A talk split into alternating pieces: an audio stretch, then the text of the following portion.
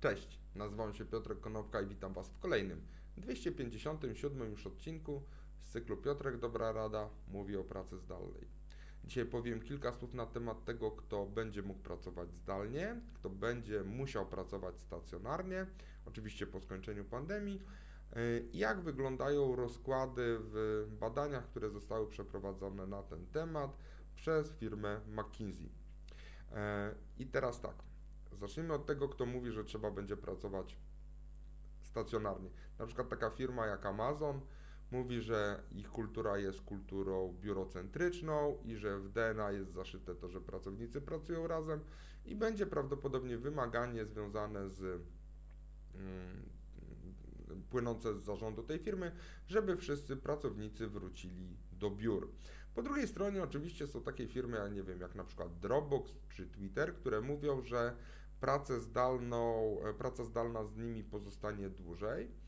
I e, czasami tylko pojawiały się głosy, że być może wszyscy będą mogli pracować zdalnie, być może będzie wymagana indywidualna zgoda na pracę zdalną dla każdego z pracowników.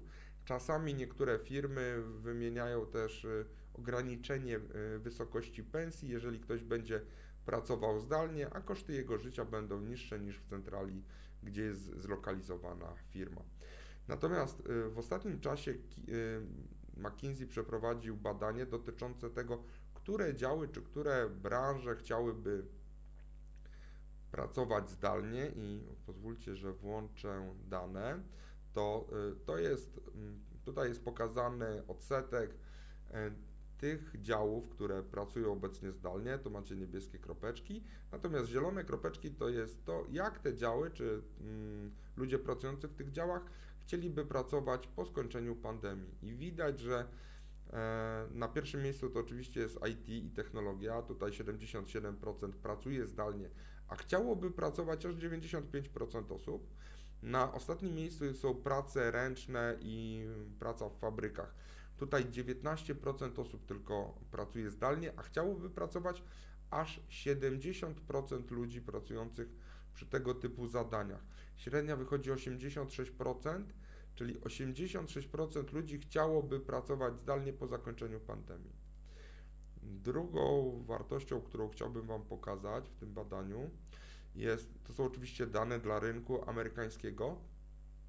To jest procent czasu, który spędzamy pomimo wszystko wykonując tą daną czynność stacjonarnie, a moglibyśmy ją wykonywać zdalnie bez utraty jakości, bez utraty tego, czego się boją najbardziej pracodawcy, czyli y, podnoszenie kompetencji i nauka można by było 82% czynności przenieść do modelu zdalnego bez utraty y, jakości. Y, w środku jest na przykład, w środku stawki jest na przykład monitoring procesów i zużycie zasobów, to 30%, 34% czynności mogłoby być wykonywane zdalnie, a nadal są wykonywane stacjonarnie. Na samym końcu oczywiście z zerowymi wartościami to jest przesuwanie obiektów, czyli jeszcze nie umiemy robić tego siłą woli, oraz y, kontrola maszyn i e, wyposażenia e, mechanicznego. I trzecią daną, którą dzisiaj chciałbym się z Wami podzielić, trzeci slajdzik, to jest, y, są dane mówiące o tym, jak y, dużo czasu w podziale na branżę, w której działa dana firma, można by było zrobić całkowicie zdalnie, bez utraty wyników, bez spadku produktywności. Na pierwszym miejscu są finanse i ubezpieczenia 76%, edukacja ma 33%, natomiast na ostatnim miejscu jest rolnictwo, produkcja żywności, budowy czy też transport. I tam są wartości w granicach między 7 a 18%. Czyli bardzo dużo zależy od tego, czy y, nasza firma w ogóle pozwala na pracę zdalną całkowicie. Bo znam kilku prezesów dużych korporacji w bankach, y, w ubezpieczalniach i w innego tego typu y, dużych organizacjach w Polsce, którzy mówią, że pracę zdalną pozostawią e, po ich trupie. Nawet takie słowa padają. E, I to można też dostrzec w przypadku Amazona. Ale dużo też zależy od tego, w jakim dziale pracujecie i w jakiej branży działa Wasza firma. Bo oczywiście im firma bardziej technologiczna, im bardziej usługowa, tym łatwiej pracować zdalnie.